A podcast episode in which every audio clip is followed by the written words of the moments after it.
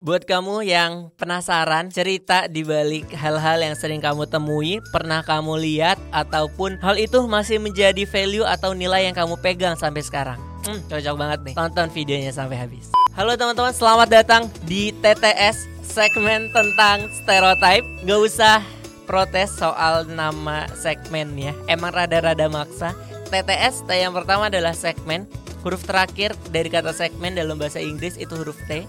Yang kedua adalah tentang dan S-nya adalah stereotype. Jadi udah pada tahu segmen ini, video ini adalah ngomongin fokus tentang yang namanya stereotype. Kalau secara harfiahnya, kalau boleh aku kasih tahu adalah sebuah prasangka, sebuah hal yang muncul ketika seseorang ketemu dengan suatu kelompok, ketemu dengan teman-temannya yang mungkin itu adalah sebuah prasangka yang benar, yang positif, ya itu nggak apa-apa ya. Tapi jangan sampai stereotip yang kamu terima adalah stereotip yang negatif, stereotip yang buruk, dan itu kamu masih percayai gitu sampai sekarang lewat video atau konten-konten yang akan aku bahas nantinya akan mengupas tuntas cerita di baliknya apakah kira-kira stereotip tersebut valid atau tidak valid atau justru iya sebenarnya valid sih tapi nggak valid-valid banget gitu. Nah nanti aku bakal ngobrol bersama temenku tentunya di video-video selanjutnya ngomongin soal stereotip yang sering kita lihat atau yang sering kita temui ya teman-teman. Seperti contohnya orang yang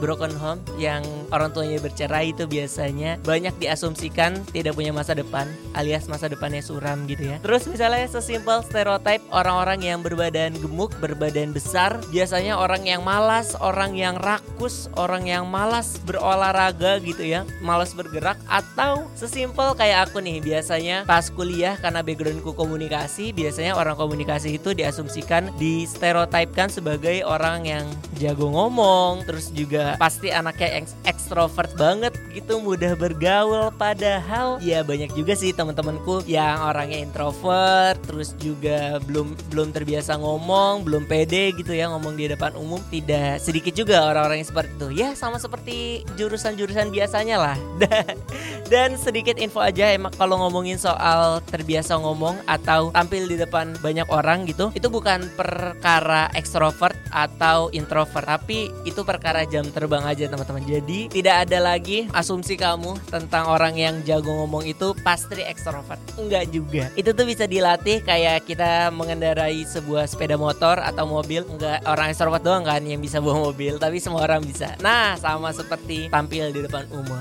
Itu cuman perkara jam terbang aja. Kalau sudah terbiasa pasti bisa. Oke, okay, itu kalau ngomongin soal komunikasi gitu ya. Dan pasti ada banyak sekali hal-hal lain yang belum aku ceritakan lewat video pembukaan ini. Pokoknya tungguin aja setiap minggunya. Harapannya semoga aku bisa konsisten karena ini salah satu challengeku juga agar bisa konsisten dalam membuat sesuatu apalagi di tahun 2023 nanti ada banyak hal-hal baru yang pengen aku buat gitu dan salah satunya bisa dimulai lewat konten video ini. Ada adalah TTS, segmen tentang stereotip. Pertama, kenapa saya lupa sendiri?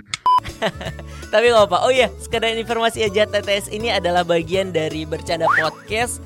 Jadi kalau kamu belum dengerin bercanda, berbagi cerita kehidupan dan asmara, silakan bisa mampir-mampir dulu, klik-klik dulu di aplikasi Spotify di search aja namanya bercanda podcast. Dan juga tentu kita didukung. Teman-teman yang bisa melihat dan menonton melihat dan menonton kan sama aja ya. Yang bisa menonton dan mendengarkan konten ini juga berkat dukungan dari Oma Podcast. Tepuk tangan dulu dong.